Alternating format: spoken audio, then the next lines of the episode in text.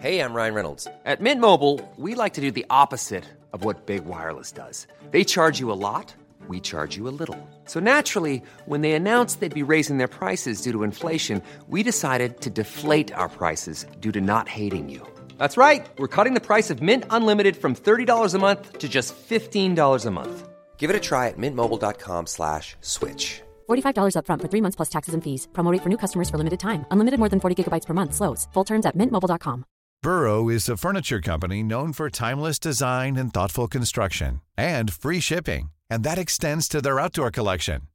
Their outdoor furniture is built to withstand the elements, featuring rust-proof stainless steel hardware, weather-ready teak, and quick-dry foam cushions. For Memorial Day, get 15% off your Burrow purchase at burrow.com slash ACAST and up to 25% off outdoor. That's up to 25% off outdoor furniture at burrow.com slash ACAST.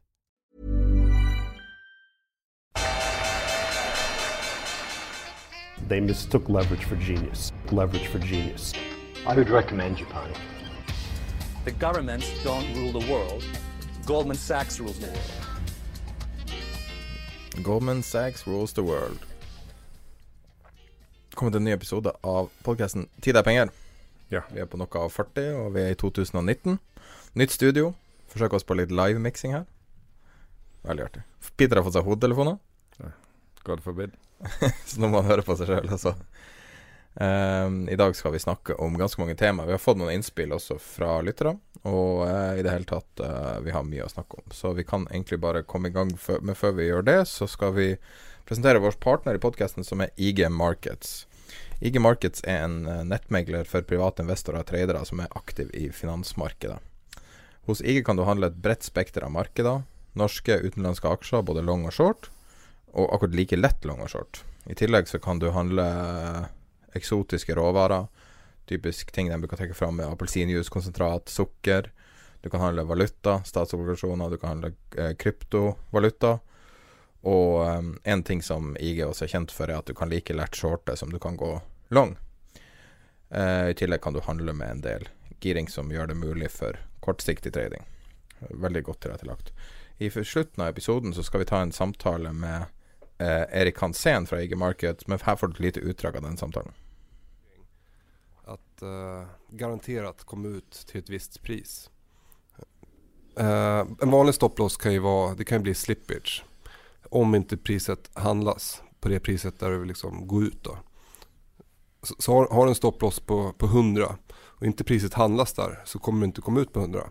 Men en garanterad stopploss hos IG garanterar att du kommer ut på den nivån. Så IG kommer stoppa ut dig oavsett om inte priset har handlats där.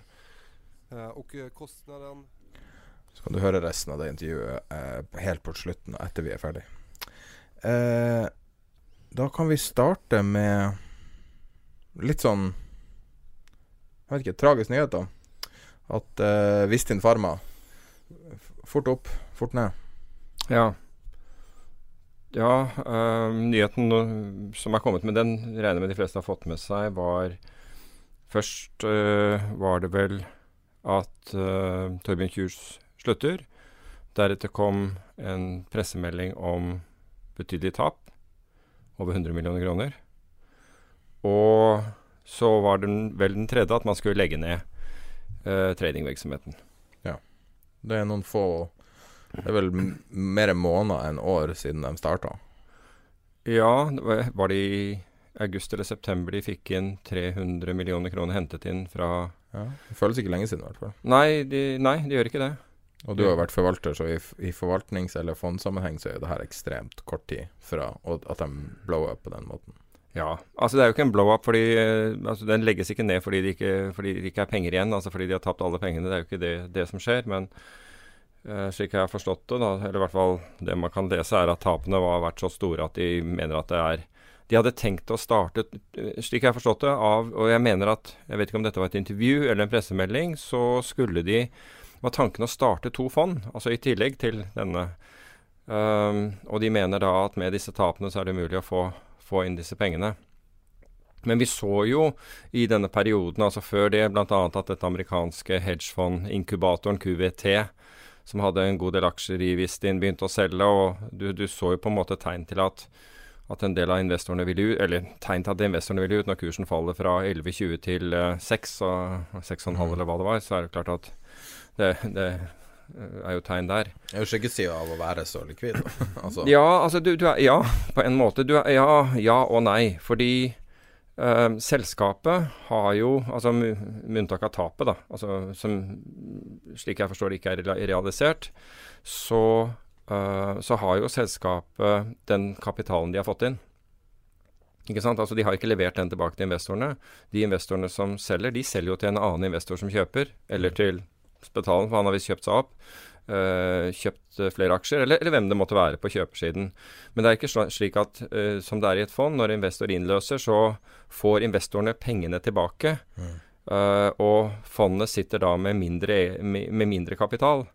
Altså Her sitter fondet med mindre kapital fordi man har tatt penger, ikke fordi noen bytter, altså aksjer bytter eier. Mm. Så det er forskjellen. Men, men det er veldig besynderlig struktur. Det er veldig sånn hard to get your head around it, på en måte. Ja, det å bruke aksjer, mener du? Ja, det at, at pengene er der, liksom. Jeg har sett hva som skjer. Altså Med mindre du betaler utbytte. Ja, men sånn er, sånn, er jo, sånn er jo aksjeselskaper. ikke sant? Altså Uavhengig, hvis du har en emisjon i et aksjeselskap, så er det ikke slik at det er som du sier, altså du kan få det tilbake i form av utbytte. Ja. Eller at du nedskriver aksjekapitalen, men ellers så vil jo kapitalen være i selskapet, og måten din å komme ut på er jo å avhende dine aksjer til, til en kjøper. Til en annen en som Men siden de er de facto et fond, så er det litt sånn uvanlig. da. Ja, altså de, de er jo ikke et fond, det er jo akkurat det de ikke er i, i, i dette tilfellet. Men uh, If it walks like a duck og så videre. ja, ja, veldig bra. Men altså, min altså, take på dette er jo, er jo fortsatt den at jeg mener Torbjørn Kjus er en kjempeflink fyr. Mm. Mente det hele tiden, og jeg mener det fortsatt. Og det kan godt hende at denne ideen hans, som da uh, går på regelendring uh, mot øh, 2020, er helt riktig. Og at det vil være akkurat som han sier. Så, og det vet vi ikke. Det vet vi faktisk ikke før i 2020, hvorvidt at det, det, det, det går inn eller ikke.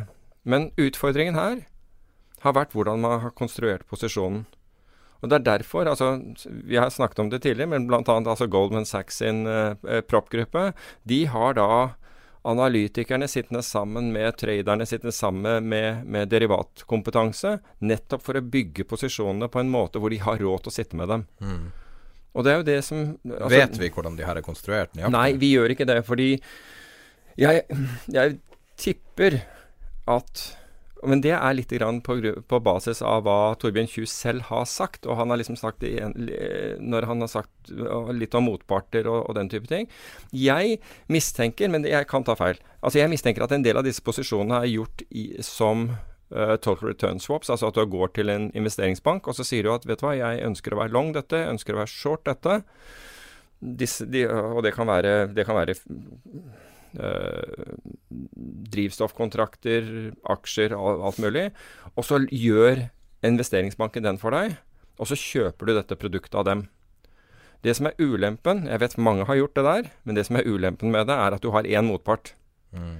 Og du har en, nå en bespoke, altså en skreddersydd ordning, med én motpart. Og det vil si at når du skal ut av den igjen, så må du til den motparten. Hvis jeg husker riktig, nå tar jeg det helt på husken. Var det gass, olje Nei, jeg tror det var flere ting, for det her dreier seg om, om, om grader av sulfur, ikke sant, og, Ja. og så videre. Så hvordan han har Men konstruert det er jo et futuresmarked, det er det jeg mener. Ja, men det er futuresmarked for noe av dette her. Men det er ikke gitt at det er gjort eh, Altså hvordan dette er gjort. For han har jo snakket om alt fra ah, Han har snakket om de som vil eh, tjene penger på denne, eh, på denne ordningen, og de som vil Altså denne regelendringen, og de som vil tape på det. Ja. Jeg har ikke sett at han har vært mer konkret. Dessverre. Altså jeg skulle Altså i ettertid. Men også Jeg angrer på, på en måte den gangen også at jeg ikke gikk på noen av de presentasjonene og fikk høre om det. Fordi det er sikkert veldig interessant Ja. eh, tema, så jeg skulle gjerne hørt det. Og jeg skulle gjerne visst akkurat hva, hva det var. Og så, eh, fordi, og, og så vurdert hvordan, jeg, hvordan man best kunne gjøre det. Altså om det er mulig for andre enn eh, Altså hvis du må ha en ISTA-avtale, for å si det på den måten. Men det kan jo ikke de ha. Det er jo umulig at de har det. Nei, det er ikke så sikkert det. De kan kanskje ha en ISTA-avtale med en, men, men du kan si at vi hadde jo ISTA-avtaler med mange. Og det gjorde at vi kunne novate. Altså når jeg kjøpte f.eks. noe av uh, Morgan Stanley Altså nå kjøpte ikke jeg skreddersydde ting. Altså La oss si at jeg gjorde CDS-kontrakter. da. De, de er ikke skreddersydde. Ikke sant? De kvoteres av mange i markedet. Men det betydde Og de måtte du ha ISTA-avtale for å kunne handle med. Jeg hadde ISTA-avtale mot mange, og det, det, gjorde at jeg kunne Altså i mitt tilfelle, jeg hadde kjøpt av, av Morgan Stanley, og når de stilte en veldig dårlig pris når jeg skulle ut, fordi de visste at jeg satt på den andre siden, så solgte jeg den til Goldman Sachs isteden. Mm. Um, som da hadde Som mer reflekterte der hvor markedet var. Det verste du kan ha, det er, det er når du er avhengig av én motpart. For det er klart, en investeringsbank, den syns at det er kjempeålreit når du kommer inn i den forretningen, at du mm. betaler den inn.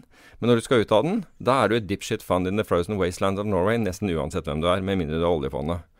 Da, mm. da står de nok skolerett. Ja, for det, er jo liksom legendarisk det at de skal rippe deg så til de grader på veien ut. Ja, og, ja, de ripper deg både, både, både, både inn og ut. Liksom. Ja, men så, så, du kan si at du må det er, en, det er en fordel å ha handlet med dette før og vite hvordan akkurat den delen av markedet fungerer. Og vite at kanskje denne altså kontrakter hvor du er helt avhengig av en enkeltstående Altså du har laget en swap mot én en enkel motpart. Det Altså, da håper jeg virkelig du Og ikke bare det, men ISTA-avtale kan også ha en klausul i seg at hvis egenkapitalen din faller under et visst nivå. Dvs. Si at du har betalt margin, altså du har betalt sikkerheten og alt det som skal til. Men under et visst nivå så nulles kontrakten. altså Da, da, da stopper det. Mm. Så det er mange sånne ting å ta hensyn til når det gjelder disse skreddersydde løsningene. Og nå er vi jo ikke i en situasjon hvor, i hvert fall meg vitende, at disse bankene er i en eller annen form for stress. Ja. Men jeg skal love deg, når de er i en stressituasjon Altså, they will rip your face off, altså uansett hvem du er. Uh, men, uh, men, vi vet ikke det, om, om, dette har skjedd nå. Men det vi vet, er at det, det, vi faktisk vet, og må på en måte kunne trekke slutningen uh, av, det er at denne, denne posisjonen ikke var konstruert optimalt. Det må, vi, det må vi ha lov til å si. at Hadde den vært det, så hadde de hatt råd til å, til å sitte på med den. Det kan vi vel si.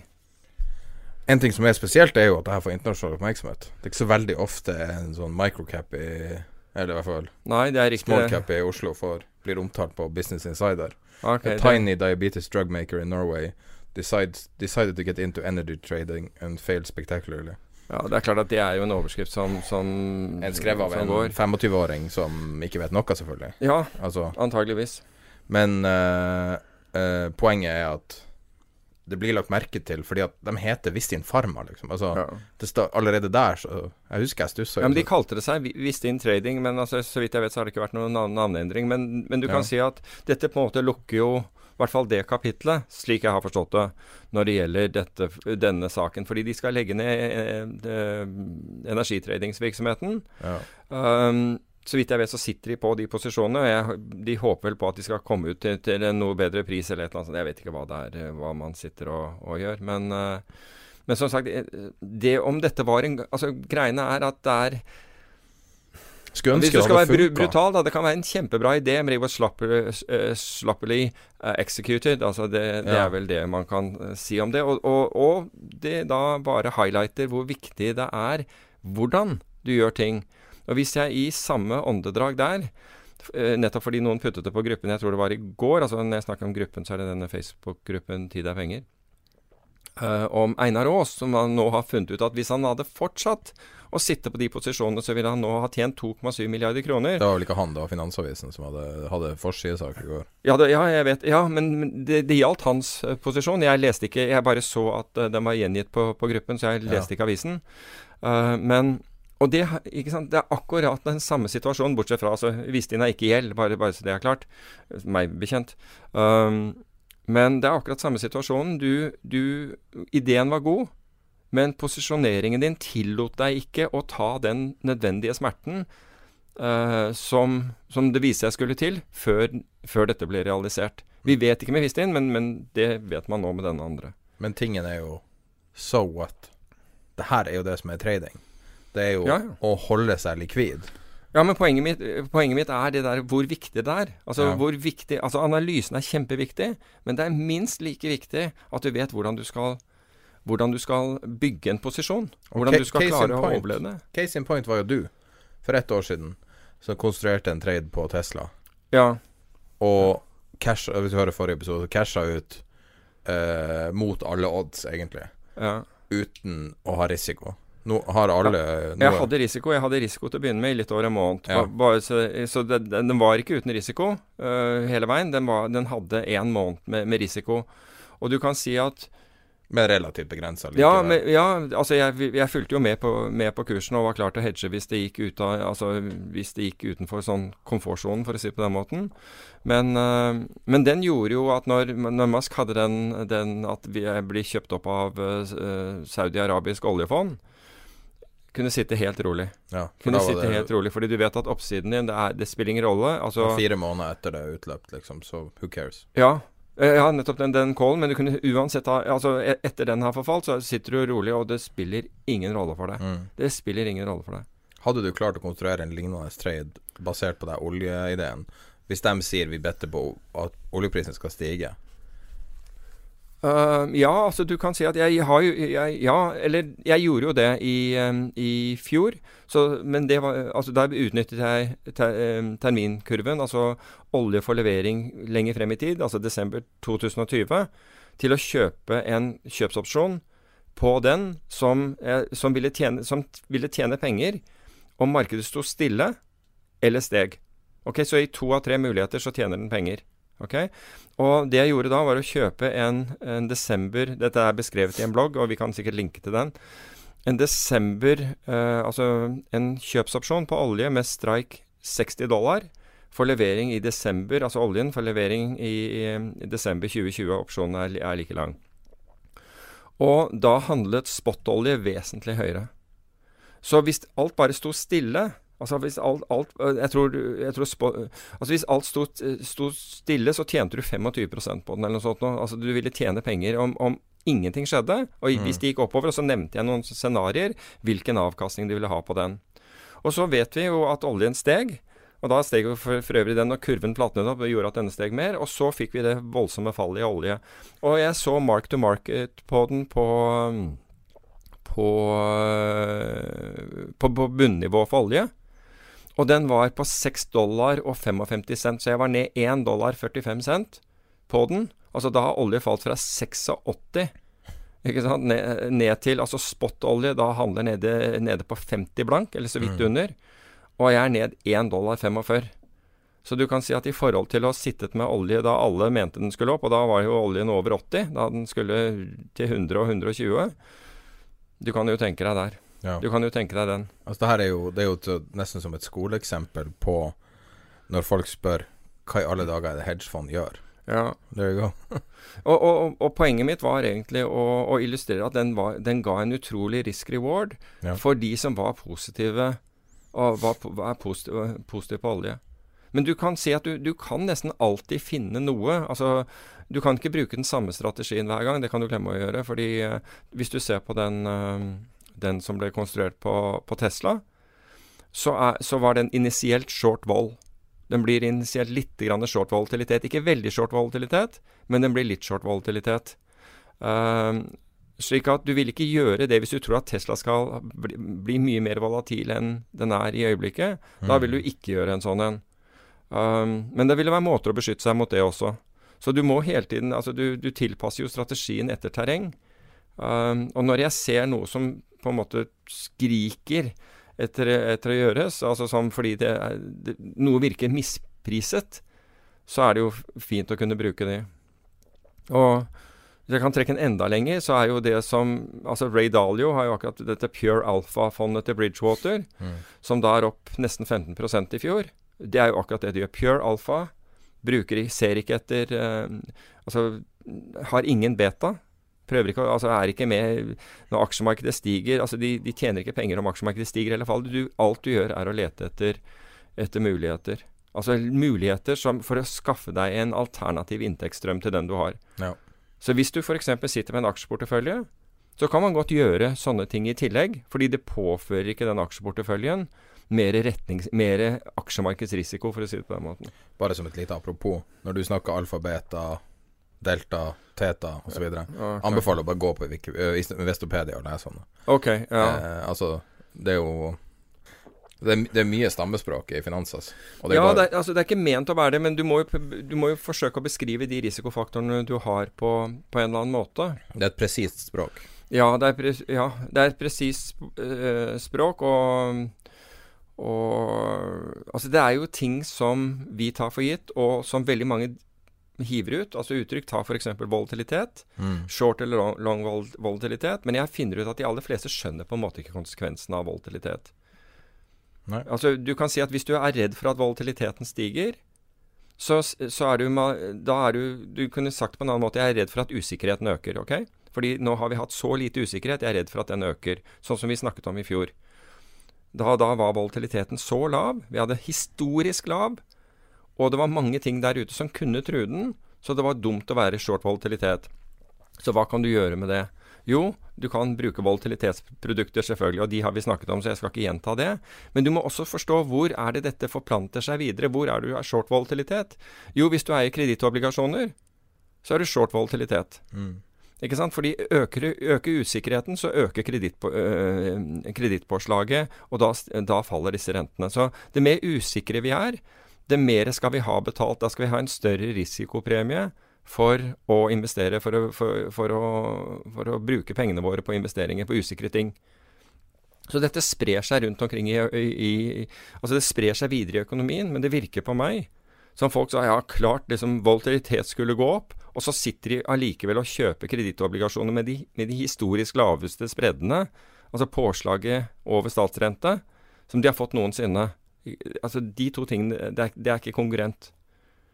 Det er rett og slett ikke konkurrent. Altså, da, da vet ikke folk hva, hva, det vil si. Et selskap som uh, Så det er jo vanskelig å vite om de har uh, Altså hvor, hvor, Jeg vet ikke om man regner alfa på Skagenfondene. Regner de alfa? Nei, altså De regner jo ut fra en referanseindeks, men jeg er skeptisk til om et sånn type fond klarer å få Klarer å separere alfaen helt.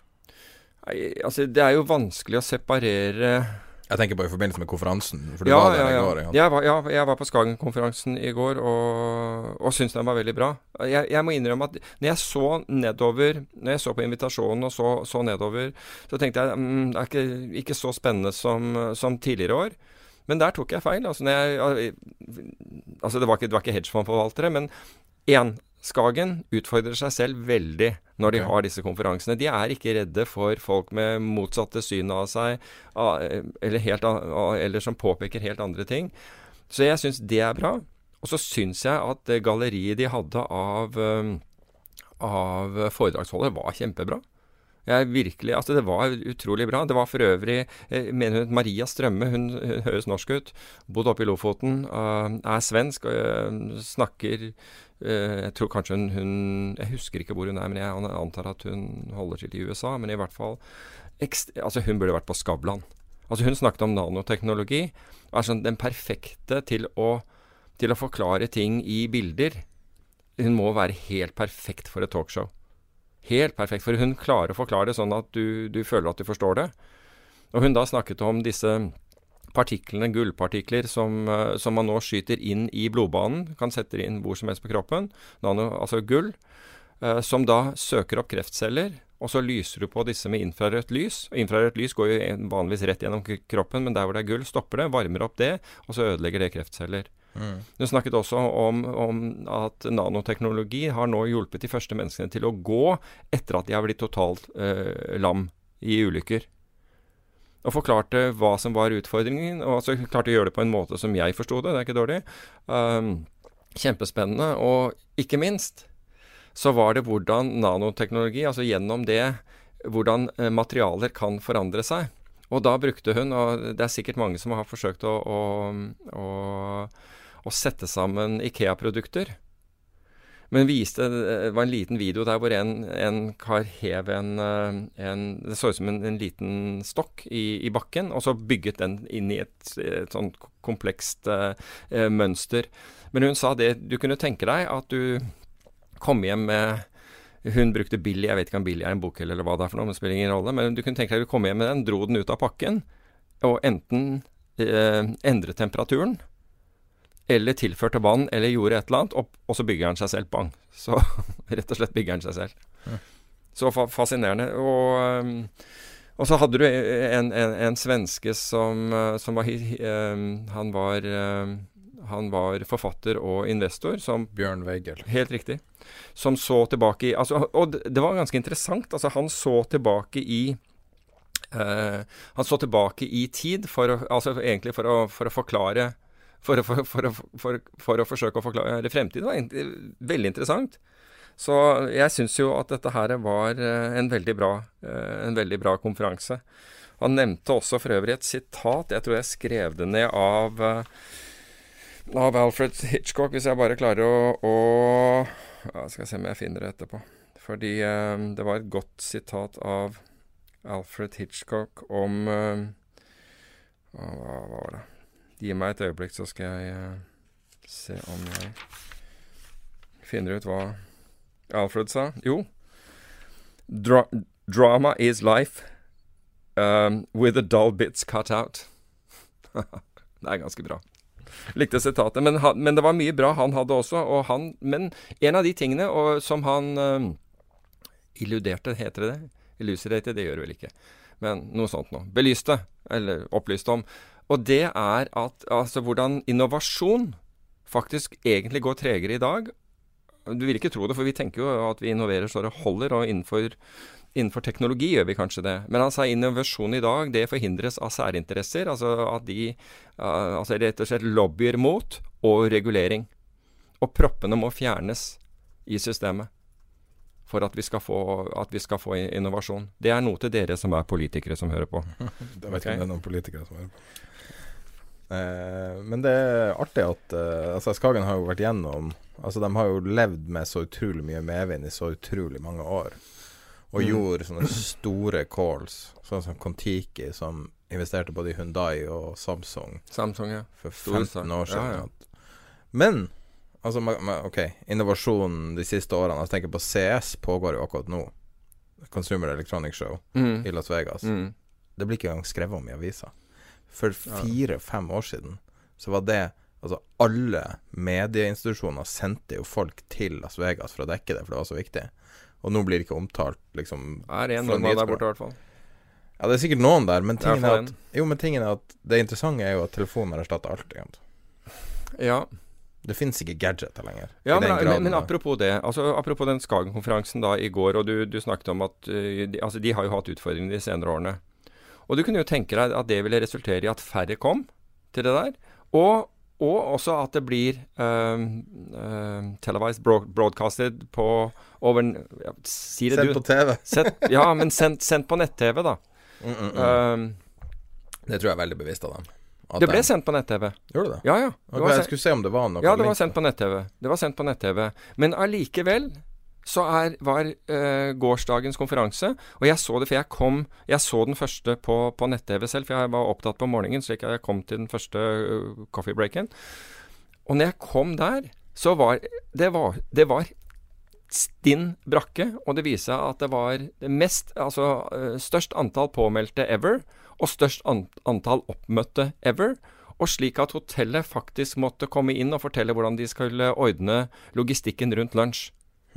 Så man måtte da få, få opplysning om hvordan det, det, det, skulle, det skulle, foregå. Ja. Så um, Nei, jeg ser jo her, når du sier det, så ser jeg jo vi, Alle videoene ligger jo ute, så uh, vi linker i uh, beskrivelsen av podkasten og på, på, på, uh, i gruppa. Ja, og, ja for, ok. Så jeg visste ikke at de, at de, um, at de lagret dem for, for, senere fremvisning. Men altså, det er vel verdt å se. Altså, vel verdt å se. Ja, men det, det, det står som en sånn vanvittig kontrast til Skagen, på en måte. Jeg føler at de er et retningsløst firma nå, sett fra utsida. Jeg vet ikke hvordan de driver på. Ja, altså retningsløst. De er jo solgt til, til, til Storebrand. Det er vel kanskje det som skjer, da. Ja, men, men heldigvis altså Storebrand har i hvert fall ikke gjort noe sånn at det ikke Skagen-konferansen går, og det var jo hyggelig. Uh, men uh, Og jeg vet ikke hvordan, hvordan det går, men uh, Skagen har jo vært drevet av veldig fundamentale forvaltere ehm, innenfor for, for sine områder. Ehm, og, og, de gjorde jo stor suksess med Kristoffer Stensrud til, til, å begynne med, og i mange år. Og de var Altså, de var Mer eller mindre hele hans karriere var en hit, sånn ja, ja, ja. More or less. Men så, begynte, men så begynte EM å glippe, altså Emerging Markets å, å glippe, og da rullet det seg ut i resultatene deres også.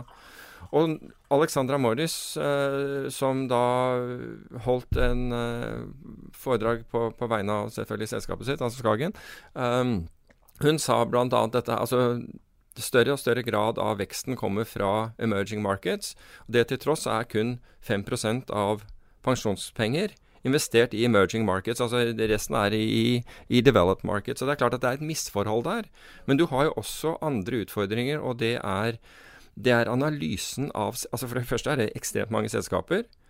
I, veld, i, i, veldig mange land, altså ta India, Kina. Man har jo endret, altså Mifi 3 endret jo bl.a. Eh, dette med analyse man skulle ta betalt for, og så viste det seg at det mange giret opp og trodde at nå skulle de tjene gode penger på det. Men så viste det seg at det var ikke så mange som var interessert i å betale for disse analysene, for de fleste analysene har faktisk vært markedsføring og ikke analyse, du, og det gidder du ikke å betale for. Så problemet er at det er jo en shortage, vil jeg tro, av analytikere i forhold til potensielle objekter å analysere der ute. Ja. En reell stor shortage. Og inntil du Altså, du må ha analysekapasitet for å gå inn i emerging markets, tror jeg. Altså, du Ja, kom igjen. Men du har ETF-er? Who cares om analyse? Du kan bare kjøpe en chunk av Shenzhen gjennom, ja, det, gjennom en ETF. Det ja, finnes sikkert en ETF som heter Shenzhen. Ja, Også, det vet jeg ikke, men, men du har du ganske sikkert rett i. Men jeg, jeg tenkte nå ut ifra Skagens ståsted. Ja, men, men det er det jeg mener at verden ja. Sånn at hvis du tar Kina, da, eksempel, som men da får, da får, du India, eller du får, som du sier, Shenzhen. Altså deler av Men, men la, oss ta, la, oss ta, Kina, da. IQ. En av de største hypene i fjor. Mm. Fulgte du med av den aksjen? Nei. Det var kinesiske Netflix. Det var ganske brutalt, altså. For å si det mildt. Ok. Altså, jeg sier ikke at, jeg, at alt, er, alt, er, bra i EM. Nei, men det er det jeg mener at uh, At EM er utrolig attraktivt hvis du investerer i Samsung i 2004, med relativt mye visibilitet. Det er to-tre store konserner i hele Korea. Som, altså, Korea er jo et veldig spesielt land. Mm. Det er veldig mye troverdighet i systemene, det er mye lite tull. Og så har du de amerikansknoterte kinesiske aksjene, som er Altså, hitraten på full svindel der er ganske høy, altså. Og så IQ, da, som er ned Altså, det pika på rundt 50 dollar. Nå er det, det er mer enn halvert. Mm. Men selvfølgelig, markedet er jo ned, men de begynte å falle først. Og markedet har ikke halvert seg, så ja. Og det også, også og så får man underanalyserte ting. Du har Alibaba også. Du, vi har jo, vi jo snakka tidligere om de rapportene som har kommet ut fra sånne skyggeanalytikere mm. som gjør sine egne analyser på mm. Alibaba. Når du ser på infrastrukturen der, så tenker du Er det her virkelig så bra som, som de skryter av? Og så begynner du å stille spørsmål med det. Og det er så vanskelig Når du sier det er lite analyse i EM, så tenker jeg hvordan kan du gjøre en ordentlig analyse av et kinesisk selskap? Er det i det hele tatt mulig? Jeg vet ikke. Jeg vet ikke. Jeg har vært der borte på sånn fact-finding missions, men, men jeg, jeg, har ikke løst det problemet, for å si det på den måten. Fant du facts, da? Nei, altså det var morsomt, for jeg møtte Jeg tror jeg nevnte før i podkasten Jeg møtte representanten for Svenske eksportråd der borte og hadde middag med han. Og andre gangen jeg var der borte, så sier han ja, hvordan går det nå? Liksom, hva, hva, hva syns du? Og så sier jeg til han at, det, at vet du hva, jeg, jeg, skjønner vel egentlig mindre av Kina nå enn jeg gjorde første, jeg, første gang jeg kom her. Og så, og så, tok han meg på skulderen og så sa han, ja, det bare betyr at du, du begynner å forstå Kina. Altså, det er, altså, det er ikke som Our metrics um, don't work over there. Altså, du må tenke annerledes. og Det er derfor jeg sier at det er, det er en void av analysekapasitet, god analysekapasitet, ja. for disse markedene. Det er helt sikkert mye gull å finne. Det er, det er helt garantert. Ja, med 1,3 milliarder mennesker, så, For eksempel, så må det jo være noe der. Liksom. Det må det være noe. Men, men du, har, eh, du, har, en shortage av analytikere uh, som, som, holder på. Ja, det, det er rett og slett store forretningsmodeller som har bare slutta å fungere i finans. Veldig nylig. Ja. Du har 60-40-modellen som er Det er sådd tvil om den kommer til å fungere. Ja. 60% aksjer, 40 obligasjoner og vice versa.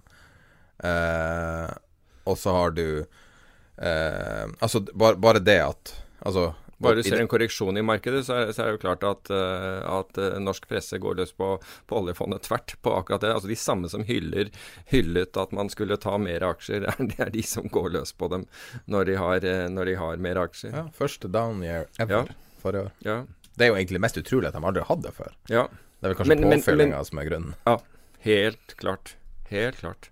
Helt klart. Nei, man må jo bare forberede seg på at oljefondet har pika. Altså. Jeg kan ikke forestille ja, altså, jeg vet ikke om det har altså, det, Jeg er jo ikke så bearish på det, men, men, men, problemet er at når vi bruker data sant, fra en periode altså Alle føler seg utrolig komfortable etter at det har gått opp i ti år, pumpet opp av sentralbankpenger, og ingen bryr seg egentlig om hva det var som pumpet opp. Det bare føles veldig bra ut, så la oss øke allokeringen ytterligere. men helt seriøst, nå har vi fått en megascare og en rekyl. Mm. Så hvis vi går inn på nbim.no, som er alltid en artig side og Du har vært inn på nbim.no? Ja, det er den med telleren, ikke sant? Ja, ja. så du ser realtime-verdien. Så realtime-verdien nå er 83133 Ok. Whatever. Du så ikke oljefondet i går? 8300 milliarder. Hva da? Nye serien på TV Norge. Å, herregud, det var dårlig. Likte du det? Nei. Det var så smertefullt. Men han kom, jeg, jeg, det er klart at når du har, bil, når du har Billion som referanse, men det er kanskje helt feil å ha Som du er litt involvert i? Ja, da, ja men allikevel, altså jeg mener, Billion som er på en måte ganske accurate, og, og som legger på en måte sin sjel i å, å, å være, ja, helt enig. være det, og så får du denne her som, som, Men det er kanskje bare ment å være en Altså, det kan være at jeg så på den med, med feil perspektiv. Jeg husker det var en, en uh, finanskar som skulle reviewe margin call. Og så sa han 'they got the finance right', og det var så viktig. Mm. Fordi at mm. troverdigheten der med de folkene som vet hva de snakker om Hvis du klarer å holde på deres oppmerksomhet, så klarer du å holde på ganske mange. Ja. Fordi at altså Du klarer selvfølgelig å fake det for en, for en tenåring at det er sånn her finans fungerer. Ja, ja. Jeg fikk jo jeg fikk noen, uh, noen SMS-er fra, fra, folk innen, innen, finans mens, dette, mens den uh, gikk i går. Og, ja, det, ja, det var uh, Beklager fingeren. Like an for så vidt, men Ja, vet du, det gjør jeg også. Det gjør jeg også. Men, men, det er, men det er, altså vi ser kanskje på dette med helt feil øyne. Altså det er, det, er, det er i hvert fall ikke finans, for å si på den måten. Men det er kanskje det du tror at, I hvert fall det var min forventning. Og det var ikke det at jeg hadde forventet liksom billions. Men jeg hadde vel forventet en, en eller annen sånn norsk versjon av det. Og, og, vi kunne jo sikkert ha laget noe spennende rundt, ja. oljefondet, men her er jo liksom Dette er jo så fjernt. Altså, det er jo ingenting som stemmer, på en har måte. Du, har du sett uh, The Thick of It? Den der britiske TV-serien. Mm. Som handler om britisk politikk, som er laga av innsidere som har direkte erfaring fra hvordan ting foregår bak, liksom. Var det den, som, den, den som fikk det nye navnet Yes Minister? Nei, nei, litt, litt, uh, litt nyere. Der du har jo, Jeg husker ikke han, uh, han, Tucker, han som banner så mye. Han som er sånn Og han gærningen. Ja, han skotten. Ja. Den serien. Og den serien har den ba, Det er så den, obvious ja. at politikken er korrekt. Fordi mm. det er sånne ting du aldri ville ha tenkt var sånn. Mm. Du ville alltid tro at de er dritproffe, alle vet hva de gjør. Sånn som det alltid er på amerikansk TV. Men så her har de den rare detaljer i byråkratiet som bare er dritbra laga. Da skjønner du ok, det her er ekte. Så når de da blander inn masse slapstick og fornærmelser av bannskap, alt mulig, så er det så utrolig mye bedre. Så mm. Men uh, jeg vet ikke hva det er. Nei, altså jeg, jeg, velger å tro at, uh, at finans var ikke målgruppen for den, uh, for, for den serien. Men det kanskje burde ha vært det. Jeg vet ikke. Men, jeg, men, God help me hvis norske folk tror at oljefondet drives på den måten. Apropos eh, finansfilmer, eh, var han uh, Steve Eisman. Ja. Eh, Bearish igjen. Ja, for, eh, ja. Junkbond, som har gjort en rekyl. Ja. La ut uh, chart fra Bank of America uh, på gruppa. Så mm. du har jo basically hele desember-nedturen er tilbake nesten på én dag. Mm. Noe som i seg sjøl er litt nesten litt mistenkelig. Men ja, det er det. Han, men, hør, men, hørte du en eneste sånn klage på high frequency traders eller algor når den gjorde det? Ikke én. Har du hørt noe når, når, når, det var en rekyl på USA på liksom 4,5% Hørte du noe om, om, det? Ikke en helt tyst. Mm. Det tar alle forvaltere. Nei, det er jeg som har vært smart. som, som sitter med disse aksjene. Men hadde det gått ned tilsvarende, ramaskrik. Men, men Steve Iceman advarer mot uh, dobbel B. Ja. Junkbonds. Altså jeg tror, ja, men, altså jeg tror trippel B kommer til å bli fort bli eh, nedgradert også. Jeg. Altså jeg tror altså dobbel B, trippel Altså hele det Jeg tror Vi ser en, bare en forskyvning av risikobildet, på en måte. Ja, fordi altså størrelsen på Altså det som er Altså, hva er det som er Hvis vi ser på hva er det som er farlig der ute, uh, hva er det som har sørget for egentlig samtlige, i hvert fall samtlige nedgang som jeg vet om. Altså hvis du går Altså det er én ting som, som, som, går igjen, og det er crowded trades. Mm. Det er det som går igjen. Hvis du ser på 1987, altså krakk i 1987 Leland uh, uh, Leland O'Brien Geski, var det vel, uh, med sin portef porteføljeforsikring. Crowded trade, fordi de gjorde Altså, de fikk inn for mye penger til å, til å klare å, å, å, og beskytter, disse beskytter uh, porteføljer eller fond for tap. Og uh, traden var crowded og var så stor at den senket markedet av seg selv. Bare, bare, de forsøkte å gjøre det de skulle. Går du til 1998, hva får du da? Jo, da har du long term capital management. Går veldig bra mens de holder på, egentlig, for de startet jo vel i 94 og bygget seg opp og bygget seg opp. Men hva var det som skjedde? Alle, alle meglerne og bankene de brukte, begynte å kopiere handelen deres for egen regning. Og så fikk du en vanvittig crowded trade, og så smalt det mm. med, med, dem. 2001. Alle var crowded inn i, inn i .com.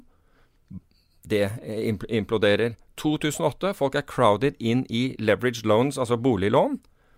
Høy grad av belåning suser inn i, inn i disse inn i boliglån. Det sprekker. Ikke sant? Altså, du har hele veien dette her. Og så har du i fjor Se, se da uh, i, i, 2018. Alle er fordi regulatorisk Regulatorisk så har du fått mye færre alternativer. Du kan ikke diversifisere porteføljer, så alle er i aksjer og obligasjoner. Obligasjoner, statsobligasjoner gir ingen avkastning, så du må gå til, til uh, corporate credit Glemmer navnet i farten. Uh, altså kredittobligasjoner. Og etterspørselen etter kredittobligasjoner gjør at stadig at avkastningen på de også blir lavere, altså yielden på de blir lavere, så man låner opp. Ny crowded trade, enda mer inn i det her, og så smeller det der også, og så drar det med seg aksjemarkedet ned. Og så er alle i crowded inn i long aksjer, short volatilitet, long, long obligasjoner, eller long kredittobligasjoner. Det er liksom det er, It's a recipe for failure. Mm. Og dette skjer om og om og om igjen. Det er, det er helt ufattelig. Og så nå, nå, påpeker Steve Eisman dette her, og, og ja, altså, det er et problem. fordi i det øyeblikket de, det øyeblikket noen av disse obligasjonene svekker seg altså Hvis de begynner å svekke seg noe særlig mer enn en, en, altså Vi var jo helt på brinken her for downgrade, fordi de blir jo downgraded fordi det er slik at du putter prisen på obligasjonen inn i, i modellen, og det er ut ifra den den, for, den, forteller deg hvilken rating den obligasjonen får. For altså, Har du kommet langt nok ned i pris, så sier man at det, implisitt er konkursrisikoen din økt. Du, du, skjønner, altså Obligasjonen uh, legges ut for 100. Den obligasjonen begynner å falle i verdi. Kredittspredden øker.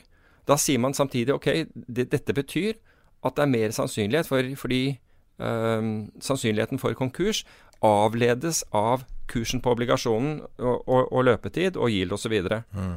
Og da sier man at konkursrisikoen øker. Ergo hvis konkursrisikoen øker, så kan du ikke holde denne eh, Da kan du ikke ha denne ratingen.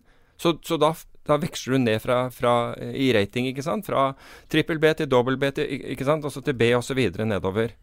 Hvorfor er dette viktig? Jo, fordi svært mange obligasjonsfond som sitter på disse, kan ikke holde altså Det står i mandatene deres at de får ikke lov å holde, altså ha i porteføljen sine, obligasjoner med, som er ratet lavere enn f.eks. trippel B eller enkel A eller hva, hva, som helst. ikke sant? Og i det øyeblikket du nedgraderer, så må de ut og selge. Mm. Og dette vet markedet. Markedet vet hvor triggeren ligger. Så du kan jo tenke deg at hvis markedet vet hva som kommer til å skje, hvis den, hvis den obligasjonen nå handler ned på 73 eller 72 eller hva det er for noe, altså et eller annet sted, så blir den nedgradert. Det vil si at store investorer er nødt til å selge den. Da står du ikke der og Du er ikke den første kjøperen da, for å si det på den måten. Da stiller du kjøpekursen din godt under der. Og så får du, så får du eh, en bevegelse som det på en måte I hvert fall som får oppmerksomhet. Ja, og, eh, og et eksempel som er nært og lett forståelig, er jo Norwegian, som sitter med ikke, 125 eller 150 fly de må selge, i et marked som kanskje ikke er så lett å selge i. Kreditt er plutselig ikke så billig lenger, så alle eventuelle kjøpere vil slite. Og et ganske nytt fly stående i Shira i um, Alle som har ny bil, Iran. vet jo at det, ja, det, det er én av tusen problemer. Ja, Og- men det er et problem. Altså, den, den står jo der og blir bare en kostnad. Ja. Men altså, de har jo over 100 andre som står og Ja, ja. som henger Altså, alle som har drevet med en eller annen form for logistikk, eller som har drevet noe der du har store ting, store asseter, vet hvor komplisert det her kan bli, og hvor ubehagelig det kan bli. Og du ser jo nå at, at steamen er jo for alvor ute av Norwegian. Etter oppkjøpssamtaler og ymse ting. Det her er jo ganske alvorlig, det som skjer nå, for dem.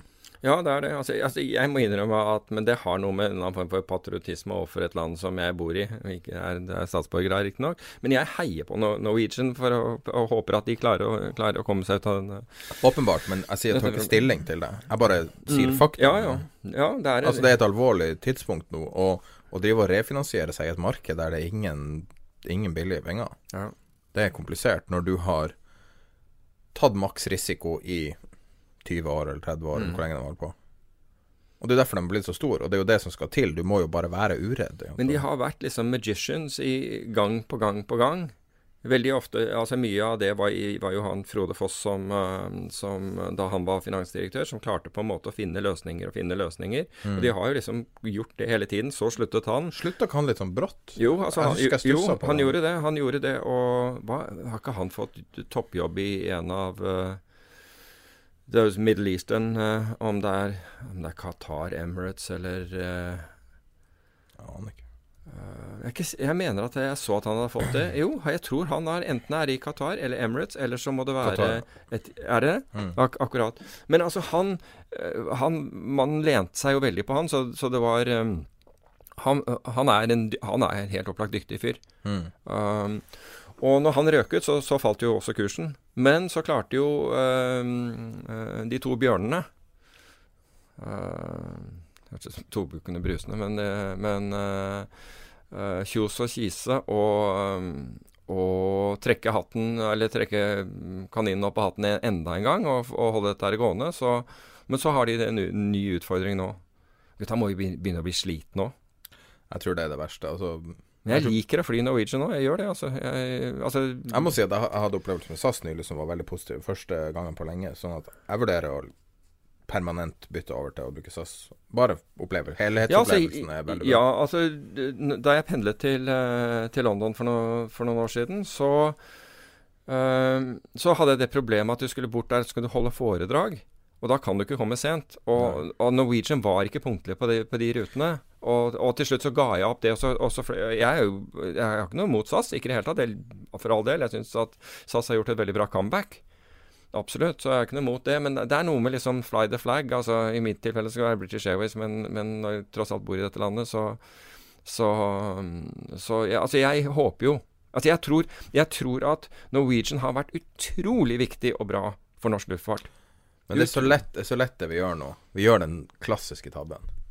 Det at vi blander kundeopplevelsen Ja. Ja og finansen. Det- det- det- og jeg kjente det. Vi bare glei er rett over. det. Ja, ja, er, er, du har en kognitiv bias her, så det holder. Jeg er klar over det. Men nå er jeg ikke investert der. Nei, nei. Men jeg, og, og det, og er ikke, bare, så, så det er følelser som uttrykkes her. Men jeg tar ingen stilling til noe. Jeg bare stusser over Jeg bare tenker meg den følelsen det er å gå og legge seg på kvelden og tenke på at du har 125 eller 150 fly som du brenner inne med, som du gjerne skulle ha dumpa. Hvordan det føles, det tror jeg er ganske Det er ganske vanskelig å sovne på natta, tror jeg. Ja. Og den følelsen der, på det her tidspunktet, etter ti år med billige penger, der du kunne gjøre nesten hva du ville ja. Det er en Altså- annen situasjon. Vi får masse spørsmål, for vi snakka så vidt innom å binde rente osv. sist. Og da var øh, Og da var liksom Ja, hva man skal gjøre med, med boliglånet. Ja.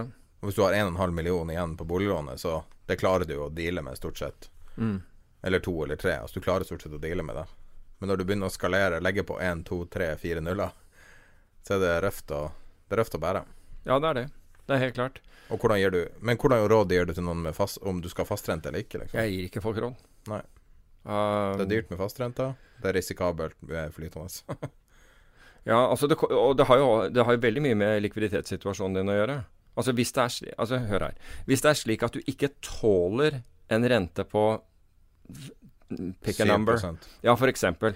Du tåler ikke et rente på, på, på, på 7 Da er det klart at du, da, og du begynner å nærme deg dette, da må, du, da må du jo foreta deg noe. Du kan enten vente og sitte her og håpe at det ikke går så høyt. Bare, så det er sagt, det er ingen prognose at den går til 7% fra min side. Tenker bare historiske nivåer Ja, altså bare for å ta Men altså, ta et arbitrært tall. Det kan være 7, eller det kan være 5, det kan være hva som helst. Men hvis du ikke tåler det, da har, altså, da har du ikke luks, luksusen av å vente. Det er akkurat det samme som Vistin. Det er akkurat det samme som øh, øh, vår øh, kraftvenn i, øh, i fra Grimstad.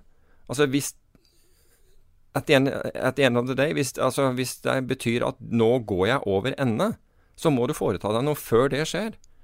Så, så jeg ville lagt meg på det. Altså Hvis du sier at ok, jeg har penger i banken også, kommer, da går rentene opp på det, og liksom nettoeffekten for meg blir ikke så gæren. Greit. Men hvis det er sånn at det blir svarte natta på la oss si 4,5% altså du har så mye lån, du, du er forgjelda så, såpass, og du har liten fleksibilitet og, og andre Altså, du må huske på at at det har noe med, med, med jobbsituasjoner til folk altså, altså, har du fryktelig mye usikkerhet, så på et eller annet tidspunkt så er du nødt til å, å, å, å altså, fyre reserven. Altså. Ja, det er jo, du kjøper jo forsikring. Og det hjelper det, ikke liksom å fyre reserven når du har gått i bakken. Jo, men det er jo en forsikring du kjøper. Diffen Ja, på flytende. ja, ja, en, ja, det er en forsikring du kjøper. Og, og da er det jo spørsmålet Vil du løpe risken, eller vil du sove om natta? Vil du leve som Kjos og diverse? Ja. Der du tar risken. Ja, altså Det som skal sies med Kjos, det er at det er massive skin in the game. Både for han og Kise. Ingen kritikk av han Ja. i det hele tatt. Nei. Bare, jeg bare sier hvordan det der må føles. Ja. Det er bare det. Jeg, jeg tenker på For det er jo ikke noe forskjell på, på deg og han. Altså, dere er jo veldig Altså, dere er jo på en måte ganske lik livssituasjon på mange måter. Men tenk deg hvis du på toppen av alt du gjør, måtte bære helt vanvittig mye risk. Ja. Hele tida. Over dag ut og dagen. Ja. Men jeg har jo hatt situasjoner hvor jeg har eh, hvor det, Altså ta for, eksempel i finanskrisen.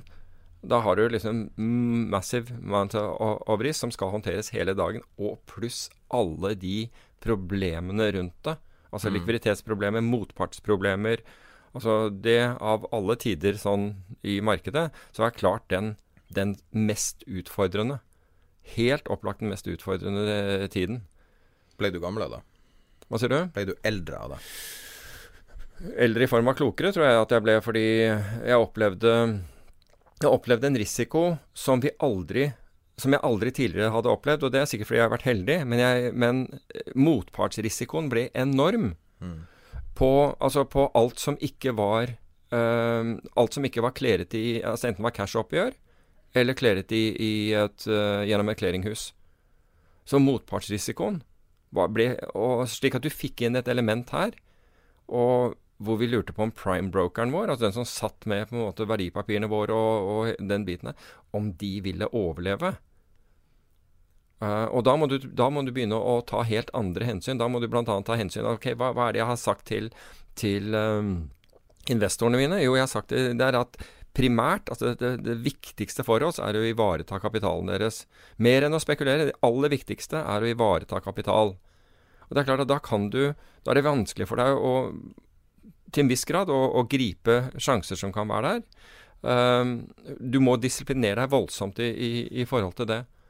Men altså, du Du må jo også kommu- selvfølgelig kommunisere med, med investorene dine også, slik at de er De vet hva det går i. Men mange investorer kan du ikke kom, kommunisere med, fordi de, de har full panikk, de. Og det, nei, nytter ikke å snakke med. Apropos panikk. Var det Apple som drev det der dollar-flash-krasjet som var 3. januar? Det vet jeg ikke. Altså, øhm, altså det var yen flash crash først, først og fremst. Den, den slo jo selvfølgelig ut i dollar igjen. Var ikke det Um, australske dollar og pund? jo, men, men alt, egentlig mot yen. Det var der de store bevegelsene var. Ja, Og ja når, når traderne våkna i Japan omtrent Ja, men det var jo halvannen time etter at Apple hadde kommet ut med, med, med, med sitt kommuniké. Jo, men jeg tenker bare på mekanismene i markedet. Det er jo ikke alle mekanismer som er øyeblikkelig. Noen ting Nei, at Margin call, eksempel. Ja, det kan ha vært det. Altså, det kan absolutt ha vært det. Jeg vet ikke hva det var. Men uh, Tenk at Mitsubishi Bank Mm. eksempel våkner og sender ut uh, 2000 margin caller til Mm. Apple-investorer. Store. Er det nok? Men, men tenk deg at i dette tilfellet så er det veldig mange, og fordi japanske eh, rentene er så lav, så låner de igjen. Og tenk deg da, i løpet av noen minutter så stiger igjen 6,8 Ikke sant? At, at Det er fem år eller noe sånt noe med, med Altså, det koster deg fem år med renter. Og det er, det er disse tingene som gjør at det slår ut. Men jeg skal fortelle deg én ting. Altså det, for det første så inntraff det jo på, på et veldig sårbart tidspunkt uh, på døgnet. Europeiske banker er ute. Uh, ute av markedet. Uh, amerikanske er, har avsluttet dagen. Asiatiske har ikke kommet inn. Så du snakker om eh, Altså, det sitter noen Altså, nå er jo mange dealinger om 24 timer, ba- bare så det er sagt, men i utgangspunktet så har du fem marketmakere i verden. Banker. Fem. Alle andre skygger prisene til en av disse fem. Eller flere av dem. Så, og det vi så der, var jo selvfølgelig at alle disse fem var ikke, var ikke noe særlig på banen. Og med en gang så spreddet dette ut. Altså, prisene forsvant som dugg for solen. Det ble liksom et gilde for high frequency-tradere der. Men betydelige tap. Betydelige tap. Altså der, der, det der kostet penger. Altså det kostet, og av en eller annen grunn man snakker ikke om det, antakeligvis fordi Og så hadde norske investorer blitt rammet av dette her midt, en, en, eh, midt på dagen, så hadde hun nok hatt større uh, konsekvenser. Men det blir altså Det er akkurat som flash crash i, i 2010. Det skjedde etter at Oslo Børs var stengt osv. Og, så og dermed så, få, så er det bare noe som mange norske investorer har hørt om. Men, men du, altså, i, du så prisene forsvinne. Og jeg snakket med en, Det var folk som ble stoppet ut. De hadde stopplås. Du har lån f.eks. igjen, og så har du stopplås. Og så blir du røska ut i løpet av noen minutter der. Og du blir, i, i tillegg, banken din stiller jo ikke pris. Så den hitter jo bare den verste prisen som er i markedet. fordi den, de, de kaller seg marketmakere, men de er ikke det i det hele tatt. De, altså, Idet den banken som de bruker, flytter prisene sine, så, så er de borte også. Og så våkner du opp til det der at du, du, nå skal du høre her at uh, vi lurer på om du kan betale inn eh, fem år med rentebetaling eh, på, på gjenlånet ditt. Liksom, hva? I løpet av neste time. Ja, ja, vi vil gjerne ha det før klokka ett i dag, hvis du kan. Eh, en gang til? Jo, men det er jo litt sånn. Har du Ja. fått en ordentlig margin call noen gang? Altså bokstavelig talt, telefonen ringer, og du blir bedt om å stille margin? Å ja, det har jeg fått. Margin call. Hvordan Ja, føles det? Og har du, har du stilt margin, da? Uh, ja, men altså, det, det jeg kan fortelle deg eh, Altså, de ma, Vi fikk daglig margin calls under, under finanskrisen. For Morgan Stanley brukte det til å source kapital for seg selv. Var det på CDS-ene, eller? Ja, på CDS-er og på andre ting vi hadde mot dem. Og det var Altså, i altså, Folk må se The Big Short. Må virkelig se den. Jeg så den forleden dag for n-te gang. Eller i hvert fall tredje gang, eller et eller annet sånt. Folk må se den. Og tenke Altså, når du ser hva som skjer der Du ser hvor korrupt det systemet var. Ingen blir stilt. Ingen blir stilt ansvarlig for det de gjør. For det Morgan Stanley de holdt på å gå konkurs. De holdt på, de var neste, neste til å falle. De holdt på å gå konkurs. Så de fikk beskjed, meglerne fikk beskjed om å få inn penger fra hvor som helst. Liksom, krev inn penger uansett. Så vi ville få Jeg hadde handlet dollarindeksen. Og den består jo da av de store valutaene, ikke sant? Og det, det er en future-kontrakt. Og så får jeg et margin call uh, på morgenen som er liksom hinsides. Jeg bare ser på det tallet og tenker hva, hva har skjedd her? Og så regner jeg Så, så uh, går jeg inn på uh, Chicago Mercantile Exchange sin database. Og så ser jeg hva er margin, for jeg tenkte hvor mye har de satt opp dette nå? Og da går jeg inn på enkeltvalutaene nedover. Alle valutaene som på en måte er i den indeks, for å se hvor mye dette har gått opp. Og regner det, så viser det seg at det er ikke i nærheten. Altså hadde du handlet hadde du, Altså det var ingen valuta som kunne forklare denne. Og så tar jeg kontakt med han der karen i, i Morgan Stanley, så sier jeg dere har regnet eh, Dere har feil margin. Og da sier han selvfølgelig We are Morgan Stanley, the biggest prime broker in the world, and you're a dipshit found in the frozen wastelands of Norway. Who do you think is right? Ikke sant? Og jeg jeg, jeg mener at jeg har rett i denne her, av bare liksom hive på røret. Men så hadde Morgan Stanley hadde en, eh, en kar på Risk som het Søren Wunderlich. Eh, og han satt i London. Og akkurat denne dagen så er han på toget, den der som går fra London til Paris. Så når jeg prøver å ringe han, får jeg ikke tak i han, for han er i tunnelen. Og så kommer jeg ut av tunnelen, så forklarer jeg han hva, hva det gjelder. At jeg har en margin call på den. Han sier nei, det er opplagt ikke riktig. Opplagt ikke riktig. Hvis, du, hvis det du sier til meg av antall kontrakter, så er det helt feil. Og så 'Jeg skal se på det', sier han. Og så ringer han meg tilbake igjen om ti minutter, og da har margin callen gått bort. ikke sant? Og den er, vi har ikke noe margin call. Hva tror du skjer neste morgen? Samme greie igjen.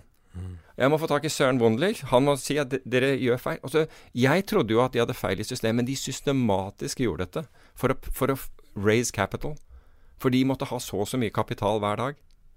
Så det var, det var en helt Ja, så jeg vet hvordan det er å få, få margin call. Så det holder. Men uh, men greiene var at vi hadde, vi hadde aldri Vi fikk aldri en margin call vi ikke kunne møte. Aldri. Altså Hver dag så får du på en måte en margin call ikke sant, når du har posisjoner. Da går enten marginen din opp eller ned. Og enten så har du pengene allerede stående hos primebrokeren din, så det er ikke noe problem. Eller så overfører du. Mm. Men jeg har aldri hatt en margin call jeg ikke kunne møte. Aldri. Altså, Når folk sier margin call, så mener de jo veldig ofte en du ikke klarer å deale med. ja, men du får, altså margin calls er, er noe du får hele tiden, bare så det er sagt. Altså Du får en sånn margin-avregning hver eneste dag. Fordi posisjonene dine blir mark to market hver eneste dag. Og da får du beskjed om, om, om du trenger å betale mer inn på kontoen din. Mm. Og da har du noen timer på deg å gjøre det. Det er ikke lang tid. Men det man populært ofte når man kar- sier margin call, så er det jo én type margin call som regel. En stor trade som går mot deg Ja. voldsomt en dag. Ja, og så har du ikke pengene til det. Ja. Ja. Det er det man ofte mener med margin Ja. Så For de fleste har mer penger på konto enn å akkurat dekke marginen hver eneste dag. For det er sånn, det blir stressende. Ja. Eh, så du må jo måte stille med mer sikkerhet enn det. Eh, Klarer du å oppsummere på noen setninger hvordan du Du har fått spørsmål om hvordan man eksponerer seg for blokkjede. Hvordan du gjør det. Ja, Uten ja, å liksom at vi begraver oss for mye i det temaet. Vi har snakka mye om det. ja, ja altså Nå, nå skal, ikke være, skal ikke jeg påstå at jeg kan alt om blokkjede, for det kan jeg ikke. Men jeg tror det ligger enorme potensialer i blokkjede, og derfor så har jeg investert i det. Og måten jeg har gjort det på, er via eh, et amerikansk venturefond. Um, og det fins mange der ute. Nå skal jeg til USA i slutten av måneden, og der kommer jeg til å møte over 30 eh, forvaltere i løpet av noen dager. Og en del av de driver innenfor dette. En av dem er for øvrig de- de- denne forvalteren. Men eh, altså, jeg vil ikke jeg vil ikke anbefale noen å gjøre det altså, altså gå inn hvor folk har mye erfaring og kan, kan dette, og kan området. Ikke noen som Du, jeg tror det er en god idé å starte et blockchain-fond, og så skal jeg kjøpe meg den derre The Idiot's Guide to Blockchain. Eh, for den leser jeg på et par kvelder. Altså, vær nøye med hvor, hvor man putter disse pengene. Altså, Jeg har ikke nok kunnskap til, det, til å gjøre det, men det dette, dette fondet gjør, det er at det kjøper seg inn i selskaper som det tror øh, øh, ligger langt fremme når det gjelder bruken og forskjellige anvendelser av blokkjein-teknologien. Inkludert øh, inklud, Det kan være inkludert børser, altså sånn som vi vet at øh, australske børsen bruker blokkjein-teknologi og, og den type ting. Så i, i sin, oppgjør. Så det er måten Det er måten jeg har gjort det på. Husker du vi snakka om eh, litium? Vi har også bare det siste. Vi har tatt no noen av de spørsmålene vi fikk før episoden i dagens episode. Eh, husker vi snakka om litium og diverse sånne mm. ETF-er. Har du fulgt med litium-ETF-en? LIT? Nei, jeg har ikke det. Nesten halvert Wow. siste åra. Som jeg vil tro er en refleksjon på at prisene er generelt ned på alt som er knytta til elbiler. Er ikke det naturlig å tro? Prisene er ned på alt som Altså alt som er knytta til batterier. Ja, fordi, fordi teknologien utvikler seg så fort, eller? Ja, og, altså man, man klarer å supplye markedet. Jeg skulle tro at det Men du ville jo tro altså, Nå vet jeg at, at kobolt er jo det, det som, som øh, folk snakker om er øh, er øh, hva si, gullet, i anførselstegn, i forhold til dette. Um, og derfor så har du denne kontroversen rundt DRC og Altså Kongo.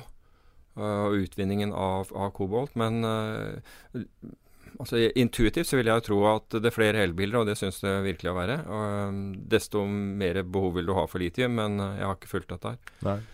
Jeg fikk et spørsmål om det. Jeg Men jeg vet at du kan eksponere deg liksom, i, i litium. Uh, det vet jeg, og, og du nevnte jo akkurat den der. um, Det er lenge siden jeg har sett på den der.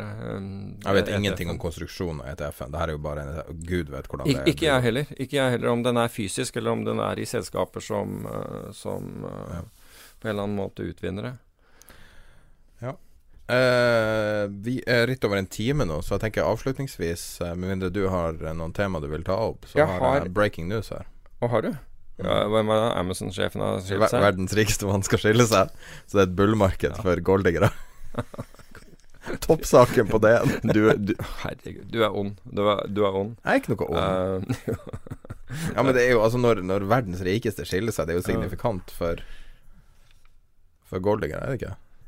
jo, det kan, kan være. Kan du forestille deg Det, det kan det Det er være. mye pågående, Ja. innkommende anrop der, altså. Det, det, det er for øvrig mange som har spurt oss om opsjoner, og, men jeg tror at hvis vi skal Opsjoner er interessant, men enten må vi ha være mer, altså mer spesifikke. altså spørsmålet være mer spesifikt, så skal vi adressere altså en opsjonsstrategi eller hva som helst. Men hvis vi skal ta opsjoner opp liksom bredere, så kommer vi til å bruke veldig mye tid på det. Og kanskje en hel episode. Det er ikke umulig at man kan gjøre det heller, bare for å svare på den. Men noe annet som går igjen, og det er spørsmål om, eh, om psykologi og, og trading. Og hvordan man kommer seg bl.a. ut av dårlige perioder og, og, og, den type ting. Og dette er interessant. Altså, det er jo det er et veldig bredt spekter. Men, eh, men altså for, for egen del så vet Altså, jeg hadde, jeg hadde en periode, og den Jeg husker ikke hvor lenge den varte, men det dro mange måneder, tenker jeg, hvor alt jeg kjøpte gikk ned, og alt jeg shortet gikk opp. Altså, det virket som jeg kunne ikke gjøre eh, noe riktig. Det var ikke mulig å gjøre noe riktig. Og jeg fant jo selvfølgelig alle unnskyldninger for Altså, markedet var mot meg, aktører var mot meg, sånn hele den der greia der. Og så husker jeg at jeg eh, at jeg kom hjem en dag og så satte meg ned og, og tenkte liksom Det er enda en dårlig dag. Og da fikk jeg på altså Det er ikke en epiphany, egentlig, men, men en sånn form for åpenbaring. og Liksom, jeg bare fant ut at liksom, det er ansvaret ligger hos én og én person alene, og det er, det er meg selv. Det er jeg som tar beslutningen om jeg skal være i markedet overhodet, og hva jeg skal handle i markedet, og hvordan jeg skal handle i markedet. Og når jeg på en måte fikk det der inn i hodet og skjønte det, så snudde det. Altså når jeg sluttet å, å, å legge skylden på alt annet der ute, så, så snudde det.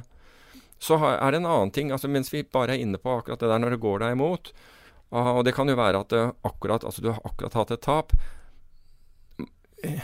Altså jeg, har, jeg er litt annerledes øh, konstruert. Jeg, jeg ville fortsette å trade, men jeg tror faktisk jeg hadde kollegaer øh, som folk som jobber for meg, de ville bare rett og slett altså, reise seg fra desken, gå og gå seg en tur eller et eller annet sånt. Jeg tror det nedkjølingsperiode er, er ofte veldig lurt å gjøre. Bare Og det er intuitivt ikke det du vil gjøre fordi du vil ha tilbake pengene med en gang. Men sjansene dine for at du gjør feil, er veldig store når du har, når du har en sånn derre Altså, du føler på en måte tynget av at du har tapt mye penger en dag, eller hva som helst. Altså, prøv å ro det ned. Prøv å puste. Altså, tre minutter rytmisk pusting. Altså, hvis du merker at du er superstresset, tre minutter Eller at hodet ditt ikke er til stede. Tre minutter ryt rytmisk pusting. Bare rytmisk, altså tell antall sekunder inn og antall sekunder ut, så du får dempet dette her litt. Kjenn at skuldrene dine faller på plass, og at du ikke er spent. Og for guds skyld unngå, uh, unngå å prøve å, å sånne hevnmotiver. Uh, så, så det var det Vi skal nok ta opp det mer uh, Jeg fremover. tror konkrete caser både på opsjoner, psykologi og alt er best.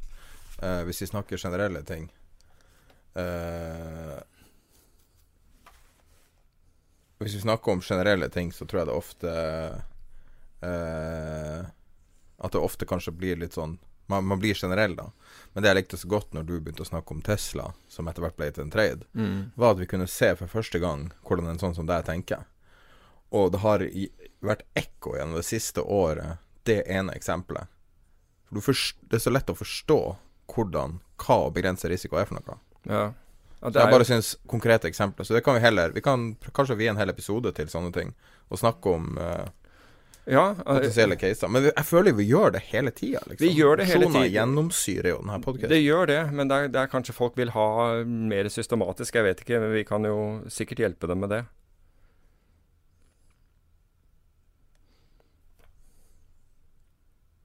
Hvordan er Helt avslutningsvis eh, Hvis du ser på fjoråret Nå er vi akkurat ferdig med året, og resultatene har begynt å tikke inn på fond. Jeg synes sånn, Var det ideen det sto oversikt igjen i FA? Hadde en oversikt over aksjefond, norske aksjefond i fjor? Ja, seks av ti var dårligere enn indeksen. var, var den? Oh, Var- indeksen var jo ikke så all verdens heller.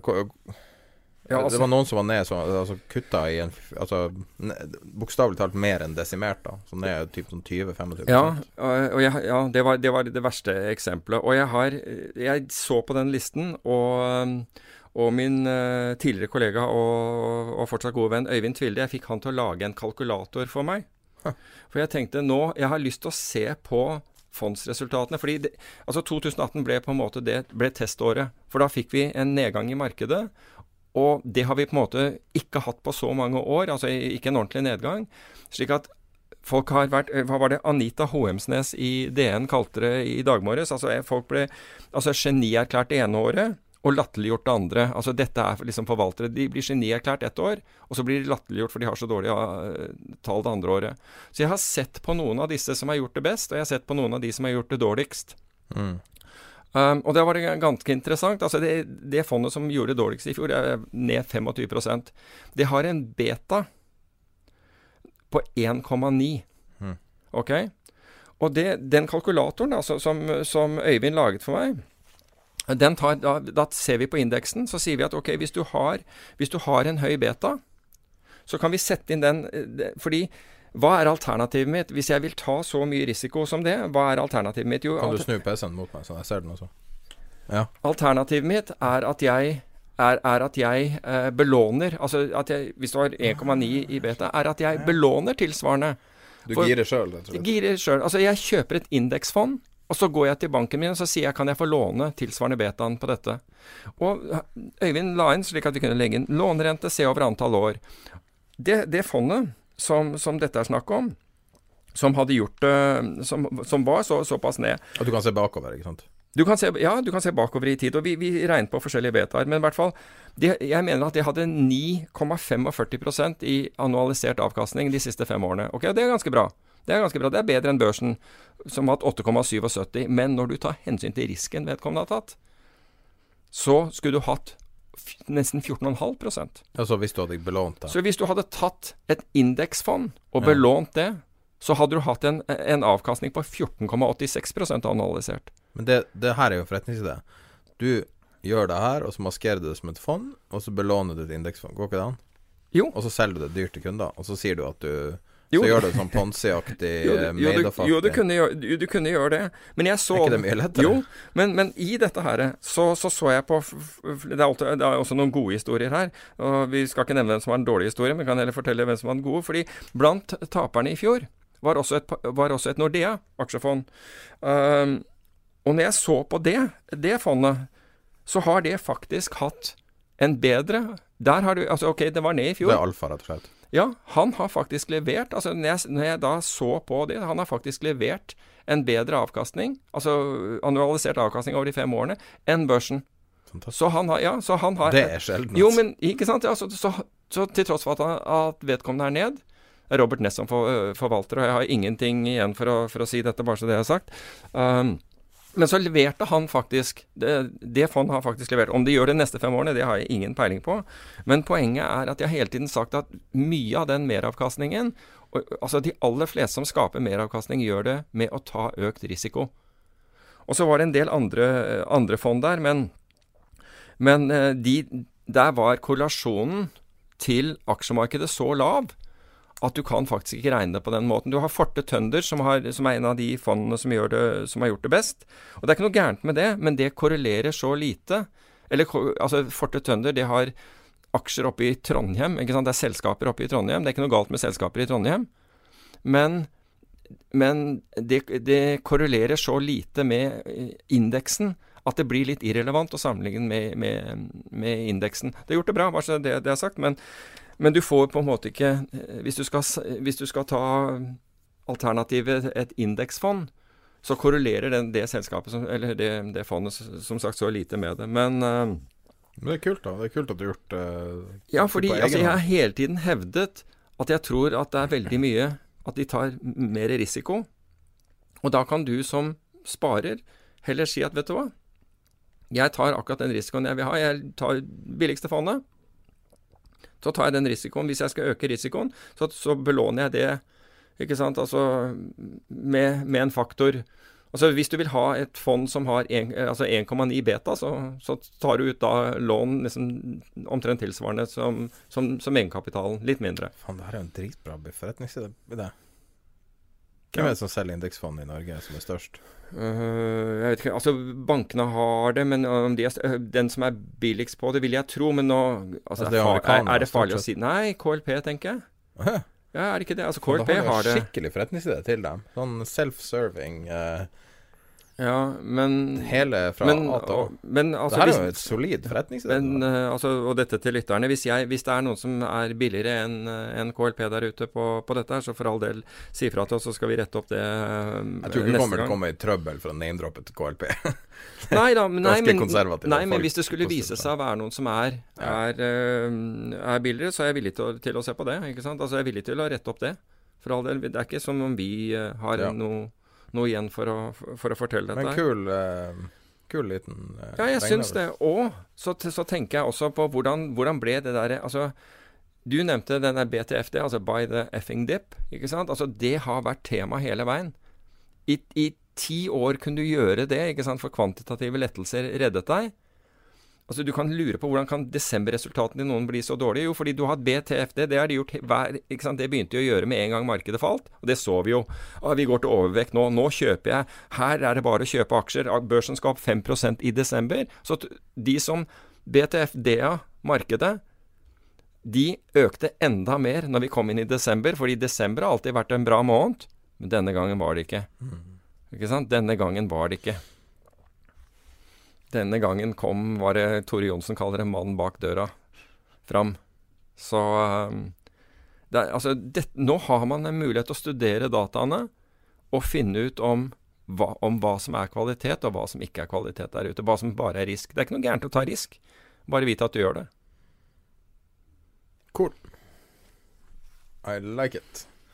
Får prøve å få det og den der eh, analytikeroversikten ut. Jeg var så dum at jeg publiserte det. Nå må jeg faktisk gjøre det. legge ut analysesida. sier nå skal du, må du legge ut det her. Lage business på det. Men nå har du, det, nå har du delt hele ideen, da. Så. Hvis du ser at det her dukker opp på KLP-reklame, så vet du Nei, hvor det kommer fra. vet du hva? jeg tror KLP er helt fornøyd med å drive akkurat sånn som de gjør. Og hvis du ønsker å belåne et av fondene deres, så er det helt opp til deg. Jeg tror ikke de kommer til å gjøre det som business. Men at en eller annen annen kan finne på å gjøre det, det kan nok være. Men uh, da tror jeg vi avslutter, og da er det en samtale med Erik Hansen fra IG Market. Nå skal jeg liveklippe det inn for første gang. Snakka en del om et produkt fra IG som eh, kanskje er litt sånn underkommentert, som heter garantert stopp. Eh, kan du forklare litt om, om hvordan det funker, hva det koster, og så ikke minst i hvilke produkter det er tilgjengelig, for det er vel tilgjengelig i de fleste produktene, men ikke i alle. Eh, og, og en type spørsmål er kan man gjøre det i enkeltaksjer, kan man gjøre det i norske enkeltaksjer, kan man gjøre det typ over helga? Hvordan, type, hvordan fungerer det? Mm. En, en garantert stopp er egentlig en forsikring at uh, garantert komme ut til et visst pris. Uh, en vanlig stopplås kan jo vara, det kan bli slippage. Om ikke priset handlas på det priset der du vill liksom gå ut då. Så, så har, har du en stopplås på, på 100 och inte priset handlas där så kommer du inte komma ut på 100. Men en garanterad stopploss hos IG garanterar att du kommer ut på den nivån. Så IG kommer stoppa ut dig oavsett om inte priset har handlats där. Eh, Och eh, kostnaden är, du betalar ingen avgift eh, såvida inte stoppen triggas. Om stoppen triggas så betalar du en liten extra spread. Eh, Och den här extra spreaden kan man då se som en eh, försäkringspremie. Eh, Och du kan ju då lägga den här stoppen på alla typer av produkter. Det kan vara så att vissa mindre eh, illikvida aktier inte erbjuder den här garanterade stoppen. Då. Men eh, på majoriteten av aktierna så kan du lägga en garanterad stopploss. Och då är också en minimumdistans där du måste lägga den.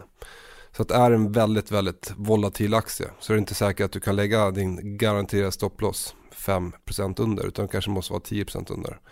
Eh, Men i normalfallet så är det eh, en väldigt eh, bra tjänst och ett, bra verktyg då. Om du är rädd för att din aktie eller ditt värdepapper ska gappa eh, efter helgen eller inför en rapport eller vinstvarning. om du, om du tror att bolaget ska komma med en vinstvarning. Typisk, en typisk aksje jeg tenker på med en gang er Apple, Ja, som har tendens til å gappe opp, og en sjelden gang gappe ned, etter uh, earnings. ja just det. Ja, då kan du då, om du har en position i Apple, om du ligger lång, positionerad för en uppgång uh, och sen vet du att uh, Apple ska rapportera på måndag till exempel. Då kan man på, på fredagskvällen uh, innan då börsen har stängt eh, lägga till en garanterad stopploss. Eh, som då garanterar att du kommer ut på det priset. Även då om aktien skulle öppna under. Er, det basert på opsjoner? Er det, er det det IG gjør, at man kjøper opsjoner i tillegg for å forsikre IG? Er det sånn dere gjør det? Nej, eh, utan det här är- handlar egentligen bara om att vi vill erbjuda våra kunder eh, en bra tjänst. Eh, och eh, vi har räknat på det här och eh, vi förlorar inte för mycket pengar på det i längden. Utan det här är också någonting som lockar till kunder till IG. Eh, så att eh, nettoeffekten blir positiv för alla. Hey, it's Danny Pellegrino from Everything Iconic. Ready to upgrade your style game without blowing your budget? Check out Quince. They've got all the good stuff shirts and polos, activewear, and fine leather goods, all at 50 to 80% less than other high end brands. And the best part? They're all about safe, ethical, and responsible manufacturing. Get that luxury vibe without the luxury price tag. Hit up quince.com slash upgrade for free shipping and 365 day returns on your next order. That's quince.com slash upgrade.